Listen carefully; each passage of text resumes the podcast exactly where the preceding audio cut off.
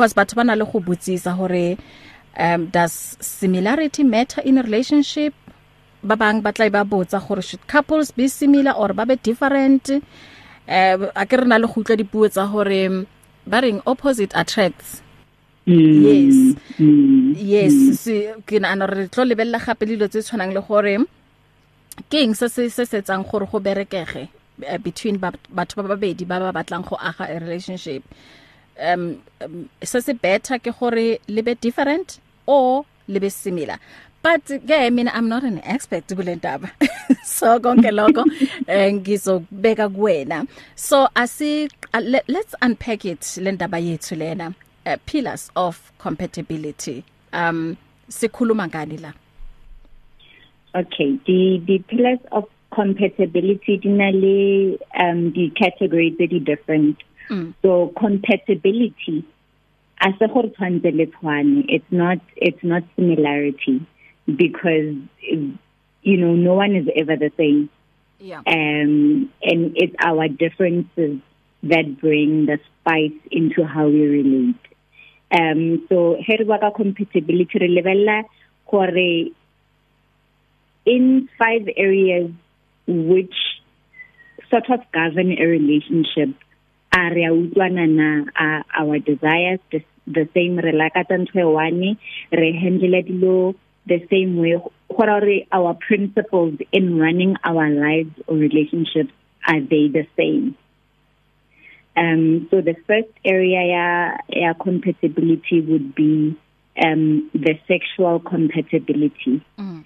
Um this would mean hore how do I in a relationship realistically view sex as a compartment? Am I able to um um how far do I go in experimentation?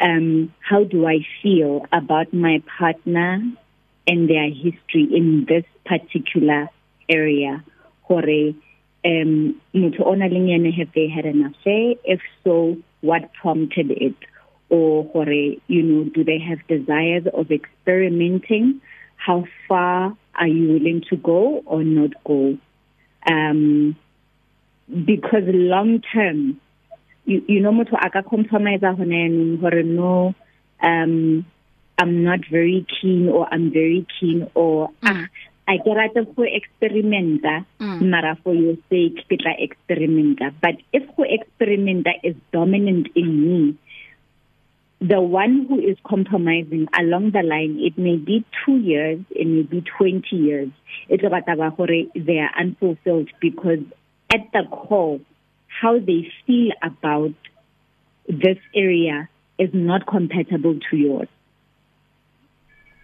Okay. Um, and then the, the, the next one, it would be emotional compatibility. This would be, hore, you know, when disagreements come up, re di tshwara yang, you know, re avoid a conflict re le ba babedi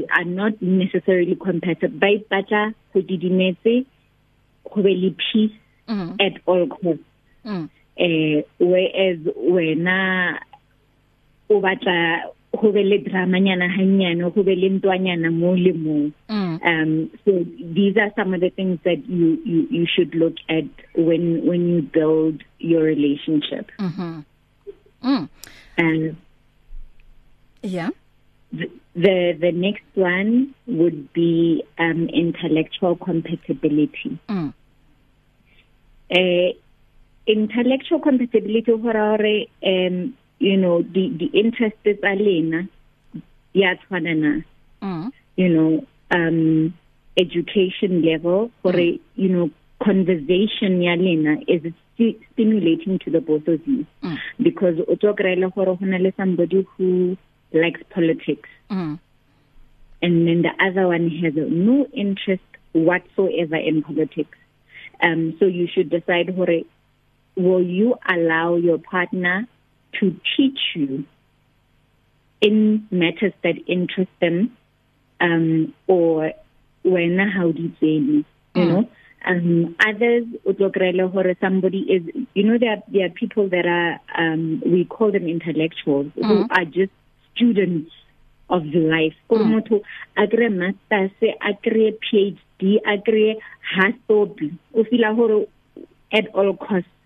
they they they, they their mind if it's not stimulated mm. um they are not happy so these are the things that you should look at hore you know it it doesn't mean hore he o mwana a rutehile o mwana sa rutega it cannot work that's not what it means mm.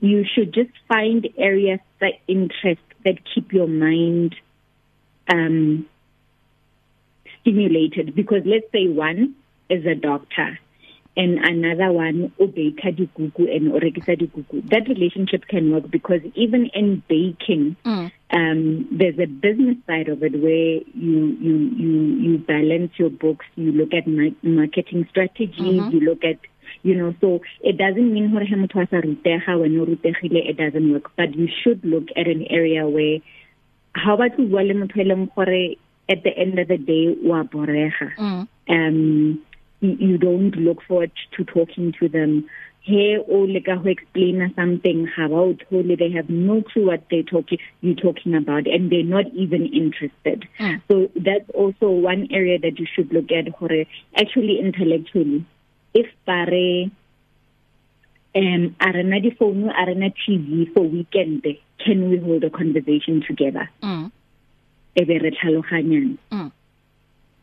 So this is, but but also this area can also be a major impact, you know, which which which can make people break up. Or ah, because if you're only interested in something and you cannot talk about it with your partner. Mm. There's somebody else that you're going to talk about yeah. that you're going to have more interest in because uh, you know they have your in, you share that same interest and and knowledge you may not mean to be attached to that person but long term it's likely to happen mm. hello hore you are completely at two different opposites mhm mm and then the next one ke um spiritual compatibility um this is the one when hore uh, we we look at um, you know, as aggressive in it would be if you are not with somebody who is not compatible with you, then you are in unequally yoked. Mm. Um, you know, this one usually hangata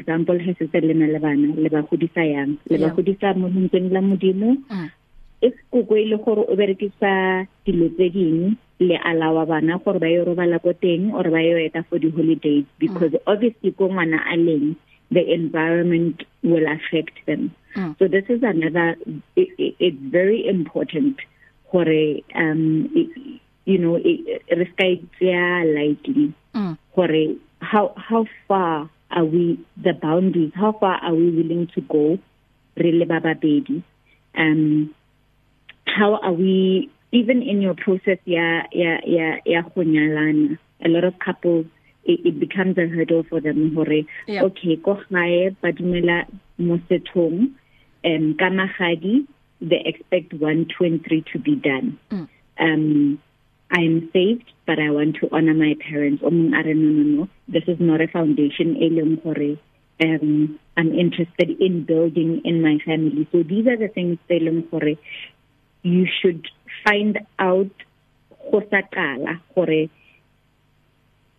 to avoid friction much later mm.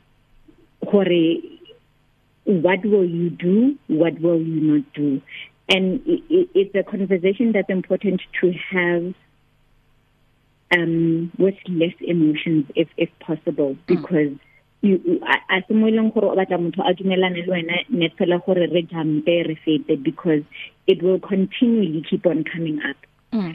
so you need to make sure gore on this factor re too and it also even if you are both saved um do are we tithing are we not tithing Mm. You know, it, it it it spills over into other areas of your life mm. to say gore how compatible are we because um Ukraine go gore ba rest ba bang they they they hand talking black bot um but they do not believe in tithing. Mm. Um how does it affect you as a couple?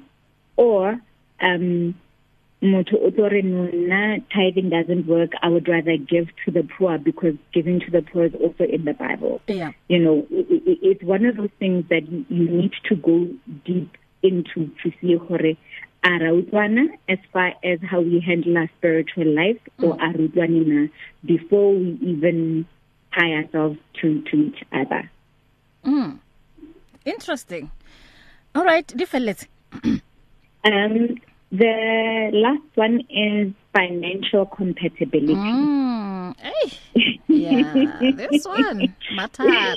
it's very, very tricky. Yeah. It's very, very tricky. Mm. It, it, it, it's one which I think um, it, it, it's one of the top three reasons of most couples divorcing yeah. mm. the finances. Um, you need to decide, Jorge, um, how are you handling your money? How's your relationship with money?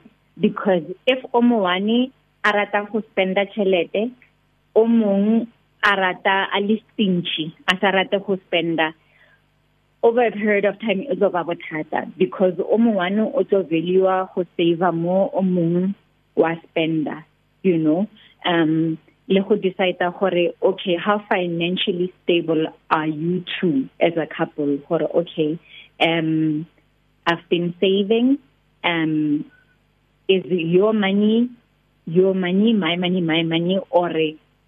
what's yours is mine how far do we go how do we handle chelete ya rona when it comes to extended families how involved are we because especially for rena le batho ba bantsho le black tax ya rena how do you have black tax um do you approve of me or are you comfortable with me helping Gohae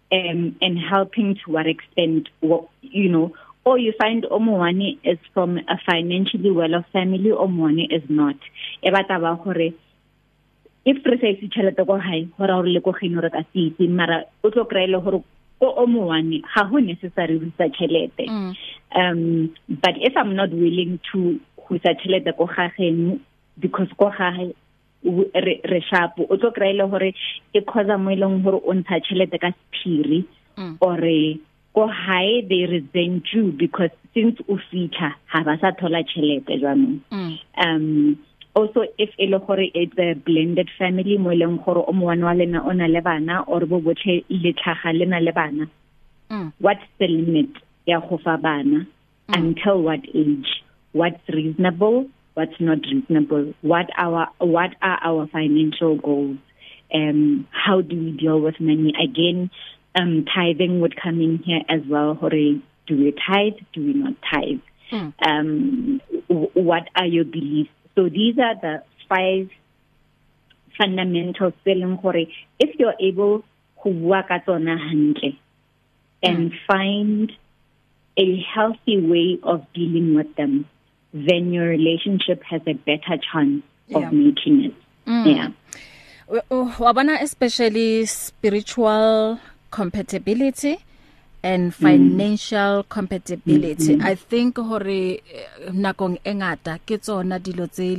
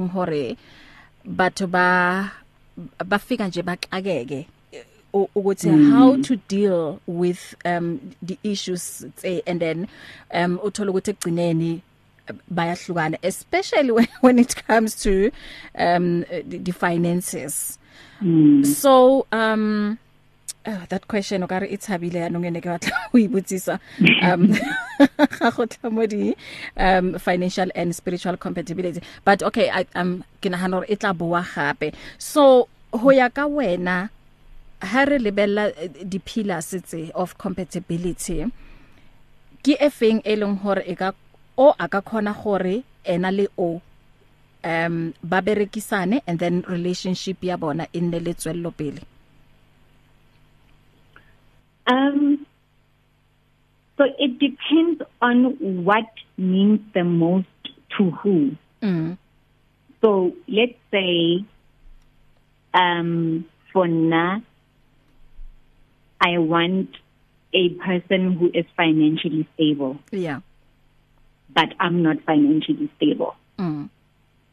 Um, it, it, it can be a little bit tricky. Yeah. But it can also work depending on that person, on, on the next person. So it can be hore, the,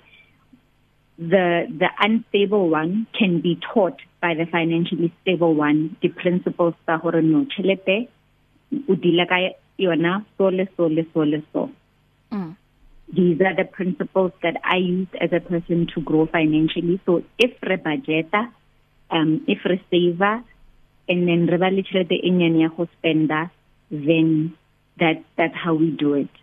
Um, the, the best way in each category is to have the boundaries, mm. you know, because for financially, if, if e I'm a good person, you're a good person, but um, one of us is financially unstable, you you don't want to be taken advantage of as well mm. especially before lenyala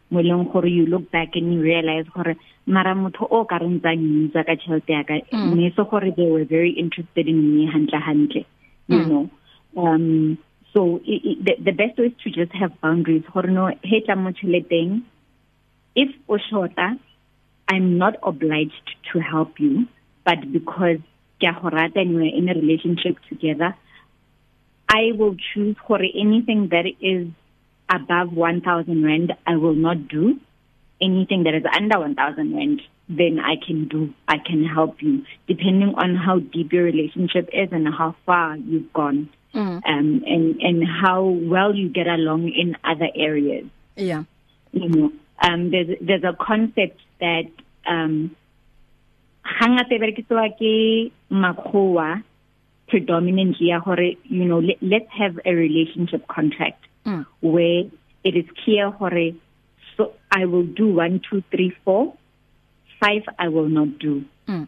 Let's say when it comes to to to to to finances, geretswa di auto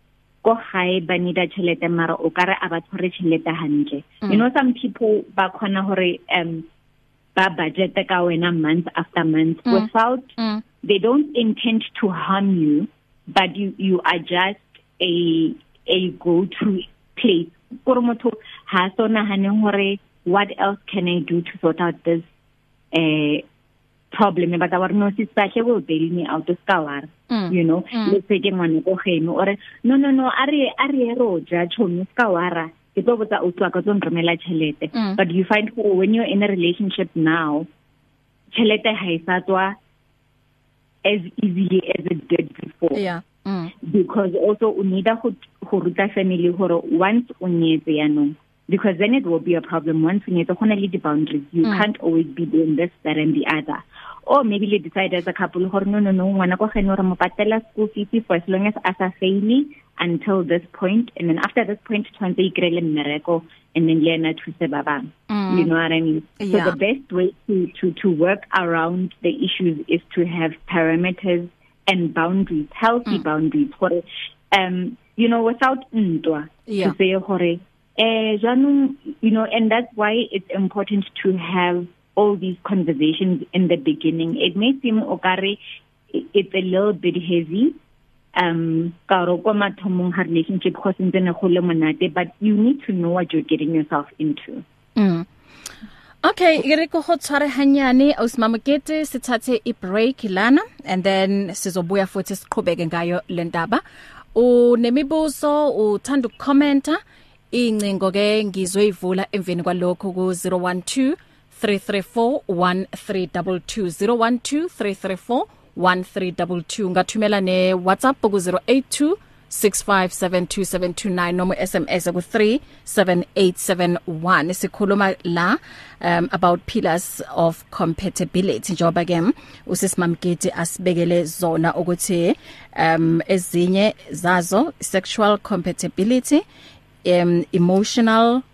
compatibility intellectual compatibility financial compatibility and spiritual compatibility so siyaqhubeka emveni kwalokho ngiyabuya if you need prayer please send your request to prayer@radiopulpit.co.za or WhatsApp 0674297564 or go to Radio Pulpit website on www.radiopulpit.co.za do you want to grow your business sales? Do you know that you can advertise on Radio Puppet, Radio Puppet website, The Word for Today magazine, and The Word for You Today magazine at the ridiculously low prices? Yes, you can indeed. Radio Puppet, your daily companion, offers you the platform to grow your businesses at the best affordable prices. Simply contact me, Godfrey Moabi, on godfrey at radiopuppet.co.za or call me on 012 334 1265. and I'll tell you how. Remember, I've made it my business to grow your business. No hassles, no frills. It's just sounds full of life on 657 AM. 20 before 5 o'clock sihlukana ke ngo 5 rina le awusimamgitsi sehole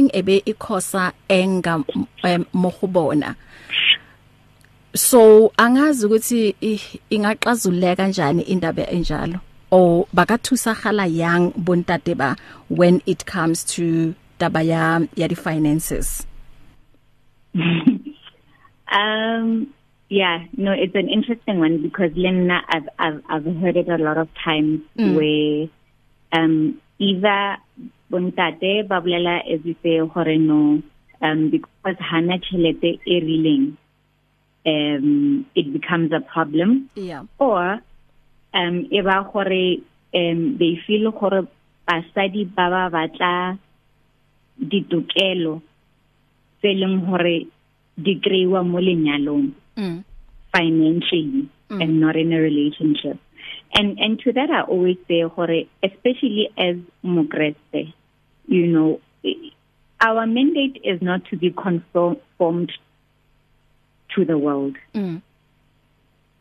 Our mandate is to have biblical relationships. Um, we cannot deny that naturally any woman that gets into a relationship, we look at provision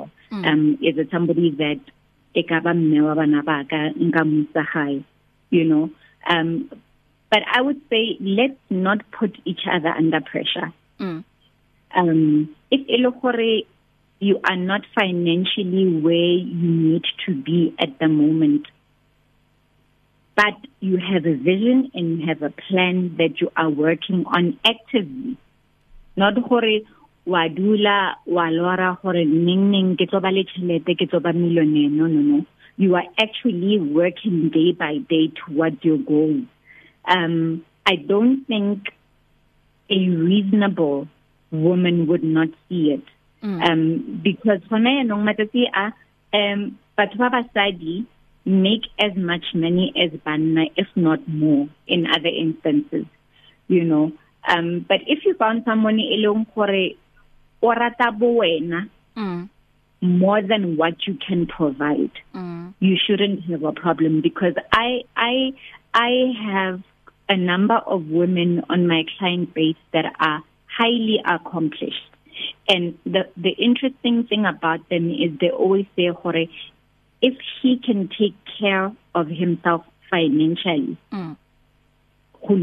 you can match me up le ena a ke batla motho e leng hore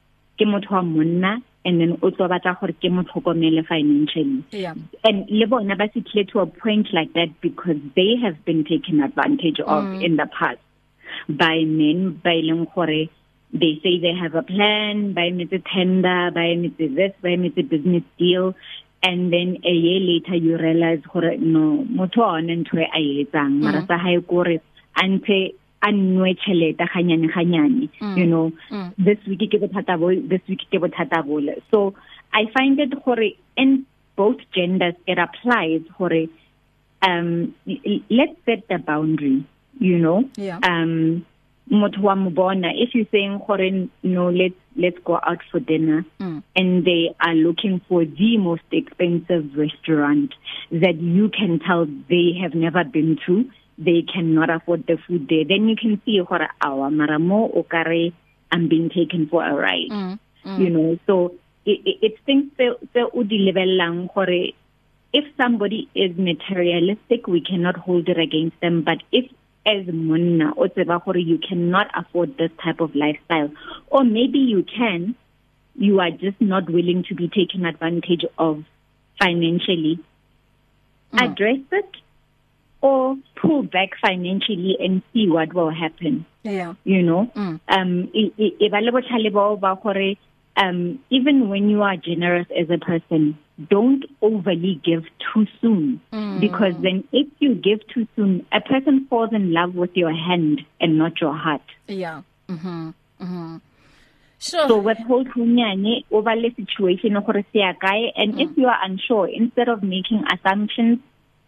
raise it up in conversation and then um talk about it okay rena le question e more from anonymous o are what do you have to say about uh, Christians who often overlook the pra the practicality of finances and discussing them for in many churches Christians um are labeled unspiritual for inquiring about money and highlighting the importance of finances and wanting a partner who is financially stable for most are taught to just look at spiritual components only mm. um i i i think that's the wrong premise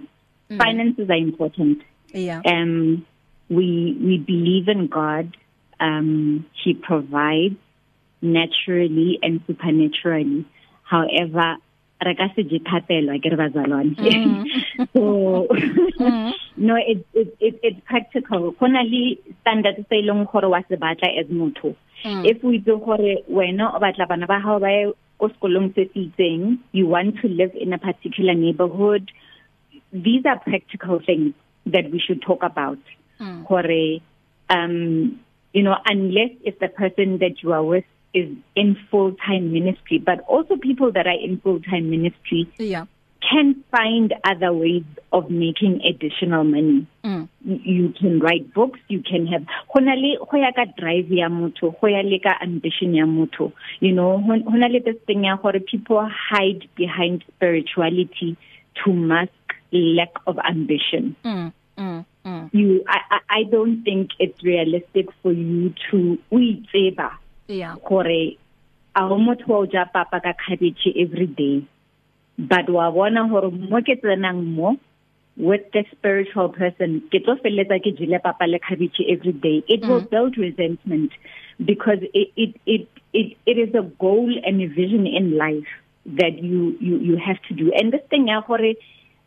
um Bukreste and poverty go hand in hand. I do not subscribe to it mm -mm. because mm -mm. Um, the, the yeah. earth is the Lord's and the fullness thereof. Mm. Silver and gold are His, and if He is your Father, they should belong to you too. Yeah. So le, let aretogele yes.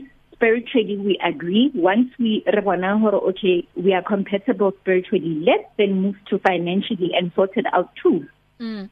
Because um you know, the, the, the word of God gives wisdom and with wisdom comes wealth as well. Mm-hmm. And wealth is, we are supposed to dominate.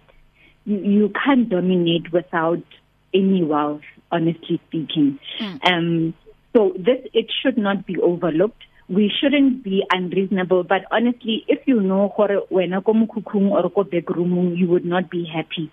And this is what a spiritual partner all they are offering is that then you will not be happy just mm. walk away um mm. finances are important they are not the only thing but they are definitely important um because they finances dictate lifestyle what you have access to the amount of um opportunities um the amount of traveling you can do um so it, it's not it, it's good to have spiritual strength, but let's also marry it with financial mm. strength because Mudimu has both.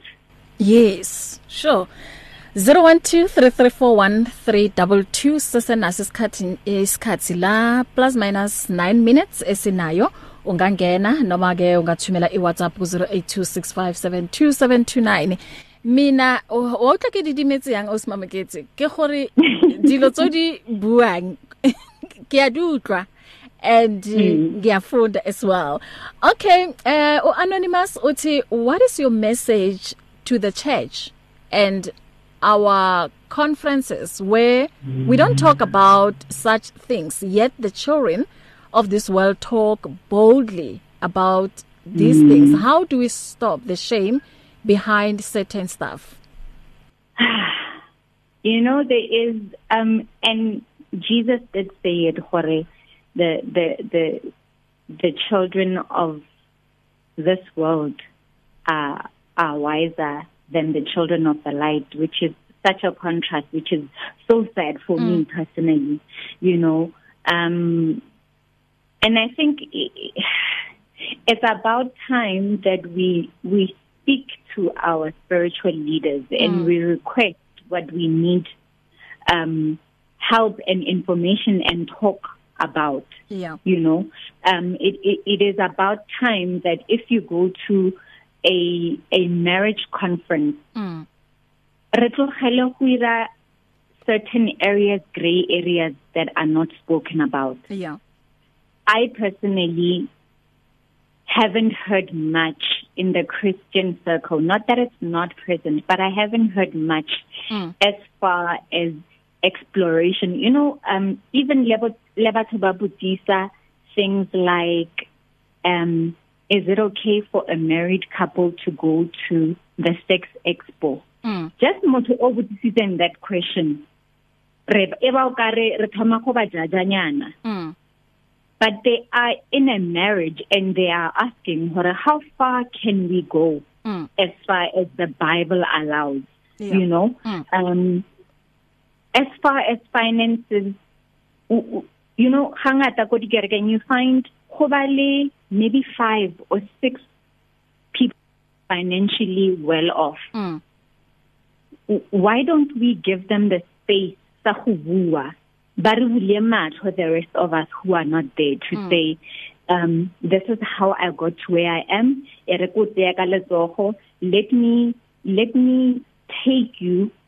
to how far i've gone because we are a body of christ because we need each other.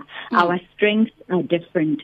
So it's about time that we as children of God lean on each other and take each other higher because I need you and you need me, you know, without khonyatsana. Mm. Like it, it it it would be good for us to to open up hidden things because um you know i get through why resna openness somehow we we we we lack openness mm. that is without judgment and you find even in in groups of friends there are certain subjects that are not spoken about mm. you know um i mean i remember a while back years years back probably 15 years i had um a friend mentor mm. um, speak to me. And she asked me a question, and this was just financially. She asked me a question, Hore, do you know how much your friend earns? And I said, no, I could say this.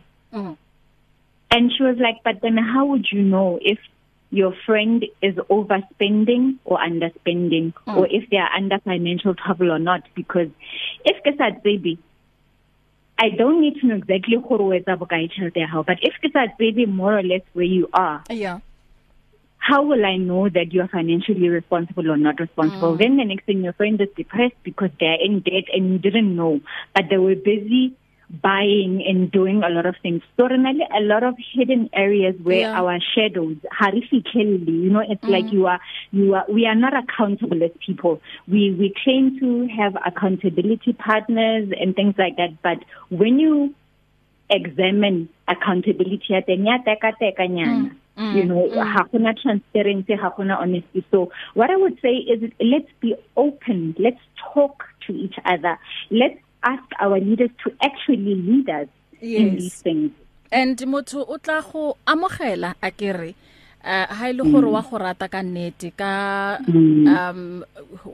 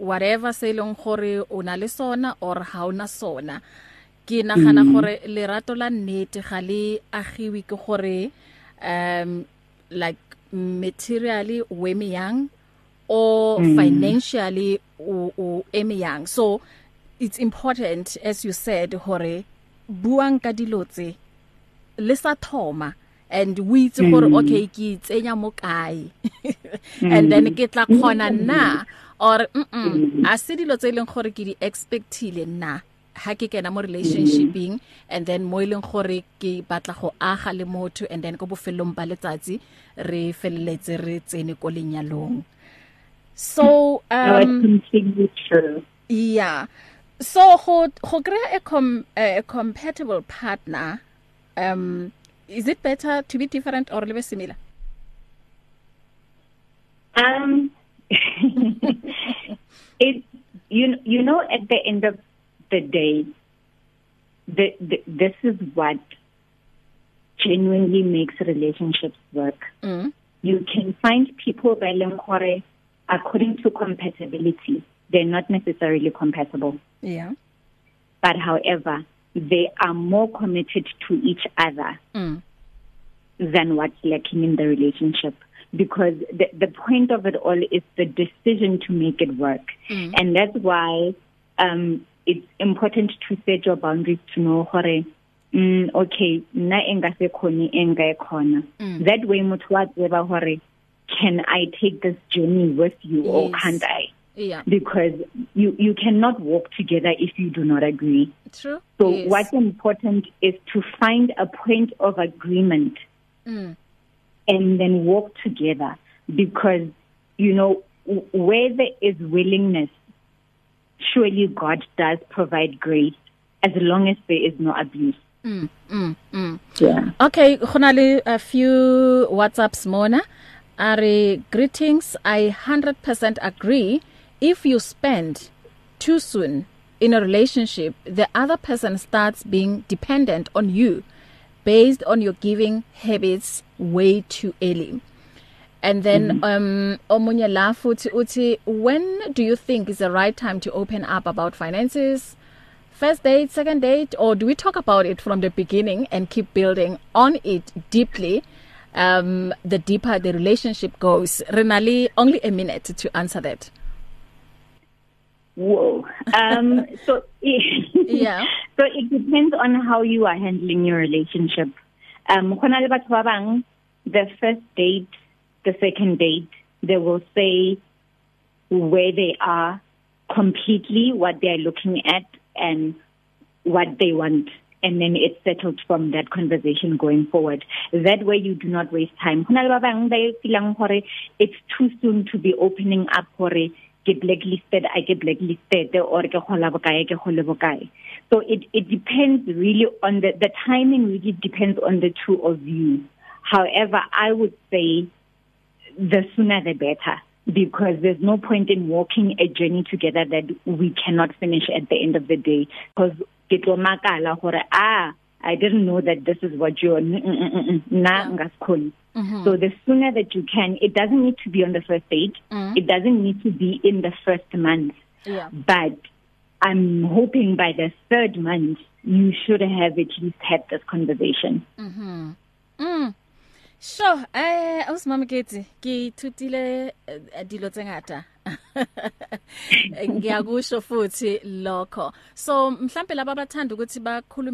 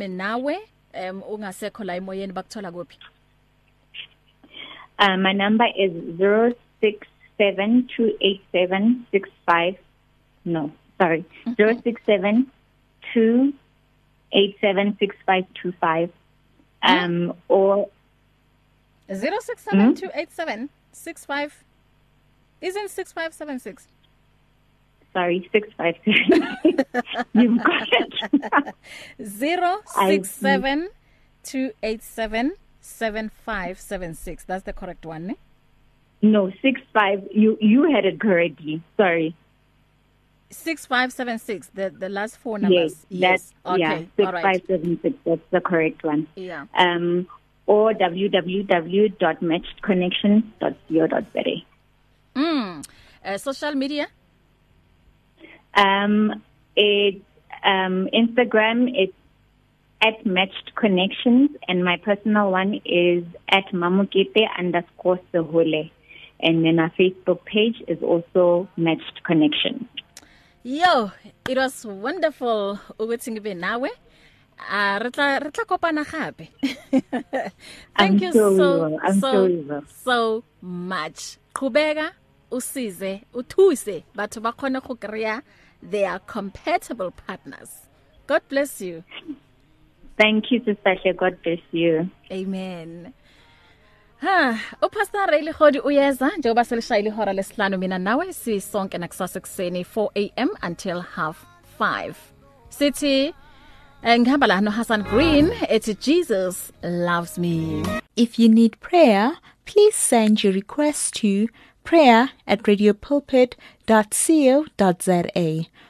or WhatsApp 0674297564 or go to Radio Pulpit website on www.radiopulpit.co.za Download our app now and listen to us wherever you go. Available in the App Store and Play Store. Many people across South Africa are being blessed and encouraged by the Radio Pulpit devotional magazine, The Word for Today. This publication places the gospel of Jesus Christ in the hands of more than 100,000 people every day, inspiring every person, from the professional businessman to the needy person who lives on the streets.